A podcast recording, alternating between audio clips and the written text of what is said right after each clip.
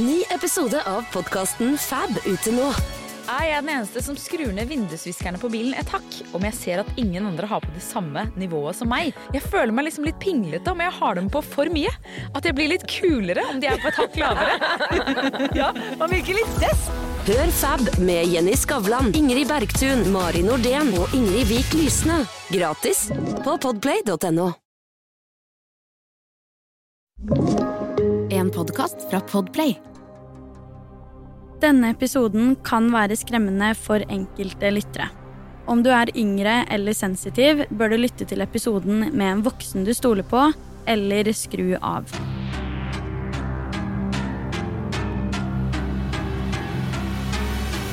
Hei og velkommen til en helt ny episode av Forsvinningsfredag podcast. I denne ukens episode skal jeg ta for meg en av de desidert mest kjente sakene opp gjennom tidene, men som flere av dere kanskje ikke tenker på som en typisk true crime-sak, da den er vanvittig gammel. Denne ukens sak dateres nemlig helt tilbake til 1888, og flere av oss har nok også lært så vidt om den saken her i skolesammenheng. I dag skal jeg ta for meg saken om Jack the Ripper. Er det sånn at saken er blitt uoffisielt løst etter godt over 100 år? La meg forklare. Jack the Ripper blir regnet som den første personen til å noen gang få internasjonal mediedekning som seriemorder. Saken har mer enn 200 mistenkte, og intet mindre med teorier, selvfølgelig. Men likevel finnes det ingen konstaterende bevis i denne saken, utenom et funn som kom så sent som i 2014. Det gjør at denne saken på papiret står som uløst til dags dato, men dette funnet som jeg nevnte, kommer jeg litt tilbake til.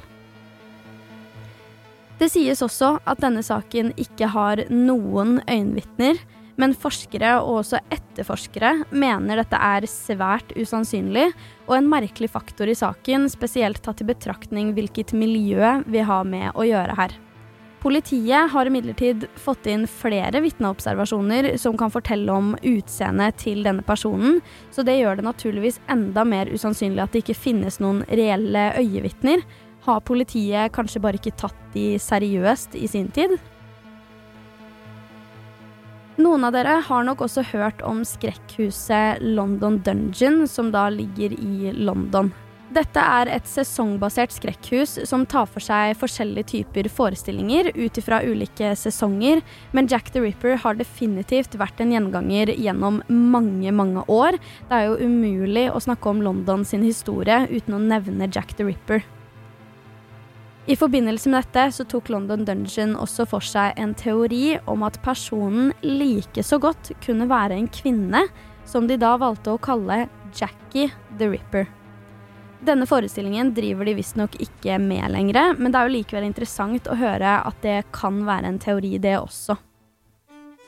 Uansett, i denne London Dungeon-forestillingen om Jack the Ripper så tar de med seg publikummerne til det de kaller Ten Bells Pub, som er en lokal pub på ekte som sto veldig sentralt i denne saken, da flere av Jacks ofre pleide å være der og drikke alkohol når de ikke var på jobb. Disse ofrene var nemlig kvinner som jobba som prostituerte. Mellom august og november 1888 tok Jack the Ripper livet av fem prostituerte kvinner i Whitechapel i London. Man har funnet flere drap som har sannsynlig tilknytning til Jack the Ripper, men det er disse fem man ser aller flest likhetstrekk i, så derfor har etterforskningen hovedsakelig fokusert på disse fem kvinnene. Noe som er veldig viktig å vite om London på denne tiden, er at det var delt i to, nemlig East End og West End. Whitechapel var da en del av East End, og som sagt så er det der disse handlingene fant sted. Denne delen av London, i hvert fall på tidspunktet, var en av de fattigste delene i London, hvor det var skyhøy kriminalitet, og så mye som én av seks kvinner jobbet som prostituerte for å kunne forsørge seg selv og en eventuell familie, og det syns jeg er skikkelig, skikkelig trist å tenke på. Faktisk var det også sånn at halvparten av barna som bodde i East End, døde før de hadde fylt fem år. Og det er så sinnssykt fælt å tenke på, men det sier oss også mye om hvordan levevilkårene og forholdene var i den delen av London på den tiden. Nå la oss gå over til selve drapene. Dette er de kjente ofrene til Jack the Ripper. Mary Ann Nichols, Annie Chapman, Elizabeth Stride, Catherine Eddows og Mary Jane Kelly. Mary Ann Nichols er da det første drapet vi kjenner til, og det skjedde 31.8.1888. Hun ble funnet i det som nå heter Durward Street, men som på den tiden het Bucks Row. Denne gata er lokalisert i Whitechapel i London, og dette drapet skulle også være begynnelsen på et mareritt av en høst. Mary Ann Nichols ble funnet med halsen sin kuttet opp av to ganske dype kutt. Nedre del av mageregionen hennes hadde også blitt kuttet opp av flere dype kutt. I tillegg til dette hadde hun generelt ganske mange stikkskader i overkroppen, og det er jo dette de ser på som et personlig angrep. Har Jack the Ripper hatt noen kobling til Mary Ann Nichols? Det neste offeret var Annie Chapman, som ble funnet 8.9.1888 rundt klokken seks på morgenen, rett ved en inngangsdør på 29 Hanbury Street, som lå da i Spittlefields. I likhet med drapet på Mary Ann Nichols ble også hun funnet med to store kutt i halsen, men magen hennes ble virkelig brutalt revet opp, og livmoren hennes ble også tatt ut. Et vitne mener å ha sett Annie sammen med en mørkhåret og mørkt kledd mann rundt klokken halv seks på morgenen. Men dette sporet ble visstnok ikke fulgt opp skikkelig, i hvert fall ikke ut ifra hva jeg kunne finne.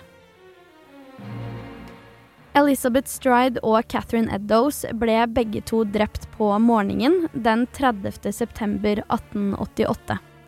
Liket av Elizabeth ble funnet rundt klokken ett på dagen i Dutsfields Yard i det som nå kalles Henriks Street i Whitechapel. Hun ble påført et veldig hardt og markant kutt i halsen, som endte opp med å kutte hele hovedpulsåren hennes. I dette drapet har man faktisk vært usikre på om det i det hele tatt var Jack the Ripper som sto bak, rett og slett fordi det skilte seg ut litt fra de andre. Men så har man konkludert med at han antageligvis har blitt stanset i prosessen, eller blitt avbrutt på en eller annen måte. Kan det være mulig at det fantes et vitne som så denne personen såpass nært at vedkommende kunne forklart politiet hvordan han eller henne så ut? Det som skilte seg aller mest ut med dette drapet, var at nedre del av mageregionen hennes og underlivet hennes sto helt urørt, til forskjell for de andre drapene. Riktignok så er ikke dette her den eneste grunnen. Det har nemlig kommet inn veldig motstridende vitneforklaringer, for noen mener at det var en mørkhudet mann som var veldig pent kledd, mens andre mener at det var en hvit mann som gikk veldig shabby kledd. Så her har vi jo egentlig rake motsetninger. Likevel så har politiet klart å knytte dette drapet til Jack the Ripper, rett og slett fordi at denne morgenen var dobbeltdrap i Whitechapel, da Catherine Eddows også ble drept denne dagen. Catherines drap er hakket mer brutalt og groteskt enn de tidligere drapene. Catherine ble nemlig funnet i sentrum av London rundt 45 minutter etter at Elizabeth ble funnet. Igjen, strupen hennes var kuttet av, og nedre del av mageregionen var kuttet opp. Faktisk så var også den venstre nyren hennes og mesteparten av livmoren kuttet opp, og han fjernet mesteparten av livmoren og hele den venstre nyren. Når det kommer til vitneobservasjoner av Catherine, så var det en mann som hadde gått i selskap av noen kompiser, som mente at han hadde sett henne gå sammen med en lyshudet mann som gikk kledd litt shabby. Kompisene hans klarte imidlertid ikke å støtte denne observasjonen. De hadde ikke lagt merke til noe selv, eller så klarte de ikke å huske om de hadde sett noe. Noen mener da at denne mannen som mener bastant at han så denne kvinnen gå sammen med denne mannen, at han kanskje var en kunde av Catherine. Som jeg nevnte, var Jack the Ripper den første seriemorderen noensinne som fikk internasjonal mediedekning. I første rekke var det jo i Storbritannia at dette her var en stor sak, nemlig fordi den var lokal. Men det var faktisk ikke før Jack begikk sitt siste drap på Mary Jane Kelly at de internasjonale mediene begynte å skrive om denne saken. Mary Jane var på tidspunktet veldig fattig og jobbet da som prostituert for å kunne tjene til livets opphold. Noen kilder sier at hun ble født i 1863, mens andre sier at hun døde da hun var 25 år gammel, men uavhengig så var hun altfor ung for å dø, enten hun var 18 eller 25. Mary leide da en leilighet eller et hus, hun leide i hvert fall en bolig. Og hun hadde da en huseier som het John McCarthy. John han hadde en assistent, og denne assistenten het Thomas Boyer. Og han sto ganske sentralt her, rett og slett fordi at han var personen som måtte finne Mary død. Ikke bare måtte han finne henne død, men han er også nødt til å finne henne i det mest brutale åstedet jeg tror jeg noen gang har sett. Thomas Boyer finner Mary Jane rundt klokken 10.45 på formiddagen den 9. november 1888. Etterforskerne mener at hun må ha blitt drept mellom to og åtte på morgenen dagen før, og antar at gjerningsmannen må ha brukt en kniv som var rundt 25 millimeter bred og 150 mm lang.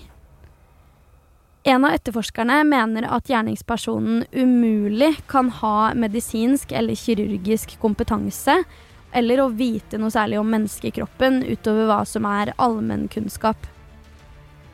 Han mener også at gjerningspersonen heller ikke kan være en person med slaktererfaring, men det er også viktig å nevne at andre etterforskere igjen mener at det må være sånn at vedkommende har denne erfaringen. Så det gjør jo saken veldig usikker og vanskelig, da det er mange motsigende forklaringer fra alle kanter. Mary Jane blir uansett funnet drept, liggende naken og på ryggen i sin egen seng. Kroppen hennes er skåret opp i mange deler, Halsen, kjønnsorganet, brystet og buken er totalt oppskåret i egne deler, og flere av organene hennes er tatt ut og spredd utover. Generelt så det ut til at en person hadde gått totalt amok på Mary, og det så ut til at det var gjort med lidenskap, og at gjerningspersonen virkelig hatet Mary. Kunne det være at disse to hadde noen form for kjennskap til hverandre, eller kan dette drapet ha representert at Jack the Ripper ønsket å teste sine egne grenser?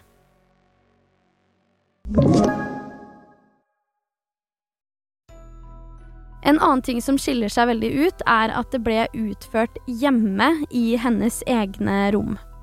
Dette gjorde at gjerningspersonen hadde mye bedre tid på seg, og han hadde jo heller ikke blitt tatt med mindre noen hadde stormet inn på adressen.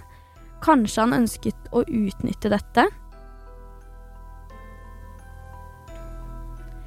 Ikke bare er Jack den første seriemorderen til å få internasjonal mediedekning, men også den første seriemorderen til å kommunisere med politiet.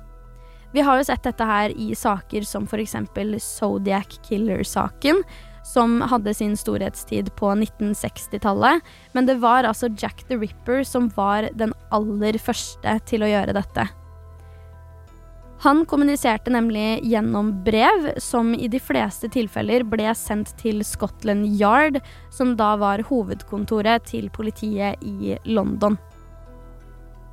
Den høsten i 1888 kom det inn over 100 forskjellige brev som angivelig skulle være fra Jack the Ripper. Antagelig var nok mange av disse forfalsket, og veldig ofte tenkte de at de egentlig kom fra forskjellige mediehus som ønsket å bygge opp en god historie, ettersom at det var veldig vanlig på den tiden. Likevel så har forskning vist at spesielt det ene brevet hvor det sto 'From Hell', er 100% autentisk. Det brevet fikk veldig mye oppmerksomhet i sin tid, og det med god grunn. Det forteller oss nemlig veldig mye om hvor syk denne gjerningspersonen faktisk var, og politiet mottok det i oktober 1888. Det vil da si at han sendte dette brevet i god tid før han utførte det siste drapet som vi kjenner til. Da disse drapene fant sted, ble det opprettet en frivillighetsgruppe som skulle hjelpe til med å finne ut av hvem dette her var. Disse menneskene skulle kunne fungere som vitner og dermed hjelpe politiet. Og måten de gjorde det på, var at de gikk rundt i gatene i Whitechapel i håp om å observere noe eller å høre noe fra folk. Han som oppretta gruppen, het George Lusk, og han skulle virkelig få gjennomgå av Jack the Ripper. Det var faktisk han som mottok dette From Hell-brevet, og sammen med dette fikk han en pappeske som inneholdt en halv nyre. En lege ved navn Thomas Openshaw utførte en undersøkelse av denne nyren i denne pappesken, og kom frem til at denne var veldig lik som den som ble tatt ut av kroppen til Catherine Eddows. Man kunne jo på den tiden her selvfølgelig ikke si noe om det faktisk stemte. Rett og slett fordi at teknologien ikke var så optimal som den er nå på den tiden. Men uansett så gjør jo hele denne hendelsen dette brevet også mye mer troverdig.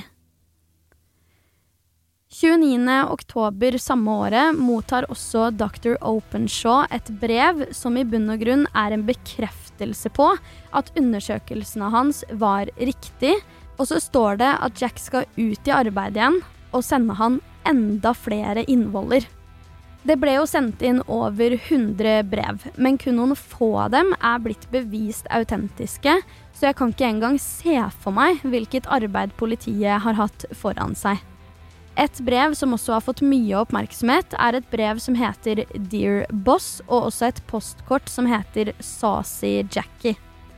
Jeg har lagt ut bilder på Instagram-profilen min Forsvinningsfredag av alle disse brevene som jeg har nevnt her nå, så husk å sjekke det ut dersom det er av interesse.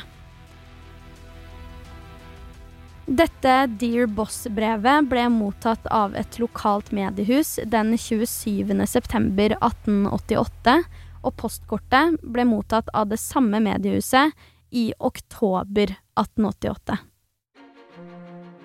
Nå, la oss ta for oss noe av det aller mest interessante i denne saken her, og det man lurer aller mest på, nemlig hvem som er de hovedmistenkte i saken, og også informasjonen jeg nevnte for dere innledningsvis i episoden. I en artikkel fra 2015 forteller Aftenposten om en av de hovedmistenkte i saken, nemlig Charles Allen Lechmere. Han var visstnok en vognfører som jobbet i East End på det aktuelle tidspunktet, og det er veldig mange faktorer som gjør at han ser enda litt mer mistenksom ut. Det forklares at han veldig ofte gikk i dette området hvor kvinnene ble funnet én etter én, da i morgentimene. Personlig tenker jeg jo kanskje at dersom du faktisk hadde hatt noe med dette å gjøre, så ville du vel kanskje unngått å gå i det samme området? Ifølge et vitne skal Charles også ha blitt observert stående over et av ofrene. Imidlertid har samme vitne sagt at han ikke oppfattet det som at det var Charles som var gjerningspersonen, men at han heller var en nysgjerrig forbipasserende. Noe som også gjorde Charles hakket mer mistenksom, var at han nesten daglig gikk rundt med slakterforkle. Hvorfor gjorde han det når han jobbet som vognfører? Hadde han to jobber, eller er det her faktisk mistenksomt? Uansett hva som er grunnen til det, så var det ingen som stilte spørsmål til dette her i sin tid, før da i etterkant av alle drapene. En ting som også er verdt å nevne her, er at alle disse drapene skjedde også i avstanden mellom Charles' bostedadresse og arbeidsplass. Men det er jo viktig å ha i bakhodet at det like gjerne kan være en tilfeldighet, og det ble på en måte bare en faktor på toppen som gjorde at politiet fulgte litt ekstra med på han. Francis Tumblety er også en av de som ble mistenkt i saken. Han var en amerikansk urtelege som bare var på besøk i Storbritannia på denne tiden. Noe som er interessant her, er at han også var anklaget for homofili i London. Men om det stemmer, så gir jo ikke det helt mening i denne konteksten, da alle ofrene til Jack the Ripper var kvinner. George Hutchinson ble også anklaget eller mistenkt i saken. Han var en arbeidsledig mann som også var god venn eller en bekjent av Mary Jane Kelly.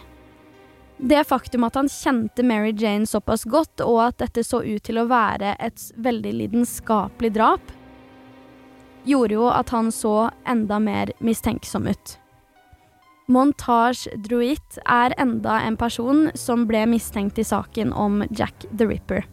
Han ble dratt inn i saken fordi han ble funnet død rett ved Themsen i desember 1888, en knapp måned etter det siste drapet, og da døde han som følge av selvmord.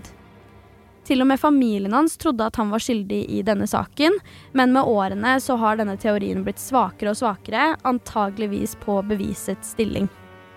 Jeg nevnte jo denne artikkelen fra 2015 litt tidligere her, og det som er veldig veldig interessant, er at året før, altså i 2014, så kom det faktisk frem DNA-bevis mot en person som var politiets hovedmistenkt helt fra starten av, nemlig Aaron Kosminski, som er desidert den personen med aller flest pek på seg i denne saken. Aaron Kosminski var en av politiets totalt seks hovedmistenkte, i likhet med de andre som jeg har nevnt her. Han ble født i 1865 og var da 23 år gammel da disse drapene fant sted, i tillegg til at han var frisør i Whitechapel på denne tiden. Visstnok så var han en ganske spesiell fyr, og faktisk så politiet på han som den absolutt mest sannsynlige gjerningspersonen allerede ganske tidlig i etterforskningen. I 1891 ble Aaron innlagt på mentalsykehus og døde etter å ha bodd på mentalsykehuset i nærmere 30 år. Til og med noen av de mest erfarne og innflytelsesrike politibetjentene i London på den tiden pekte da i retning av Aaron. En av disse er sir Robert Anderson, som var assisterende kommissær i politiet på den tiden, og jobbet spesielt på denne saken fra 1888 til 1891. Han skrev også et memoar hvor han skriver følgende. Uløste drap er veldig sjeldent i London, og Jack the Ripper faller ikke i den kategorien. Jeg vil bare legge til at den eneste personen som noensinne fikk sett gjerningspersonen skikkelig, identifiserte mannen uten å nøle, det sekundet han ble konfrontert med gjerningsmannen. Men vedkommende nektet å avgi bevis mot han. Når jeg sier at han var en polsk jøde, så sier jeg bare et absolutt konstatert faktum.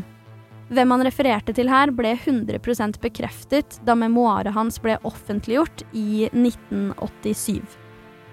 126 år etter at disse handlingene fant sted, altså i 2014, så kunne Daily Mail meddele at rettsmedisinerne mente de hadde løst saken ved hjelp av moderne DNA-teknologi. De hadde da tatt DNA fra nedfryste bevis fra Catherine Eddows sitt åsted, og resultatene ble publisert i Journal of Forensic Sciences. Der kom det frem at disse testene kobles til en DNA-profil av ingen ringere enn Aaron Kosminski. Vet vi da 100% sikkert at det var han? Ingen har noensinne blitt stilt for retten i denne saken, men det høres jo ut som at rettsmedisinerne til slutt kom seg på rett kjøl. Det er så ufattelig trist å tenke på at dette er en sann historie om drap som faktisk har skjedd, og enda tristere hvilken grusom skjebne disse ofrene led, og hvor unge de var. Jeg skulle ønske vi fikk vite hvilken kobling denne seriemorderen hadde til ofrene sine, og om han i det hele tatt hadde noen, og jeg skulle også ønske at vi en dag kunne fått bekreftet at det faktisk var Aaron Kosminski som sto bak, eller hvem enn andre det skulle vært. Jeg er som alltid veldig interessert i å høre dine tanker, meninger og refleksjoner rundt denne saken, så dersom du sitter inne med noe eller har noen spørsmål, så send det gjerne inn til meg på Instagram, der jeg heter Forsvinningsfredag. Du har hørt Forsvinningsfredag podkast med meg, Sara Høydahl. Tusen takk for at du har lytta til episoden. Jeg er tilbake med en helt ny en allerede neste fredag. Jeg vil også avslutningsvis fortelle at jeg i påsken kommer til å publisere nye episoder hver dag i påskehelgen, og vi begynner allerede på skjærtorsdag. Det er det bare å være nysgjerrig på, og i mellomtiden ta vare på deg selv.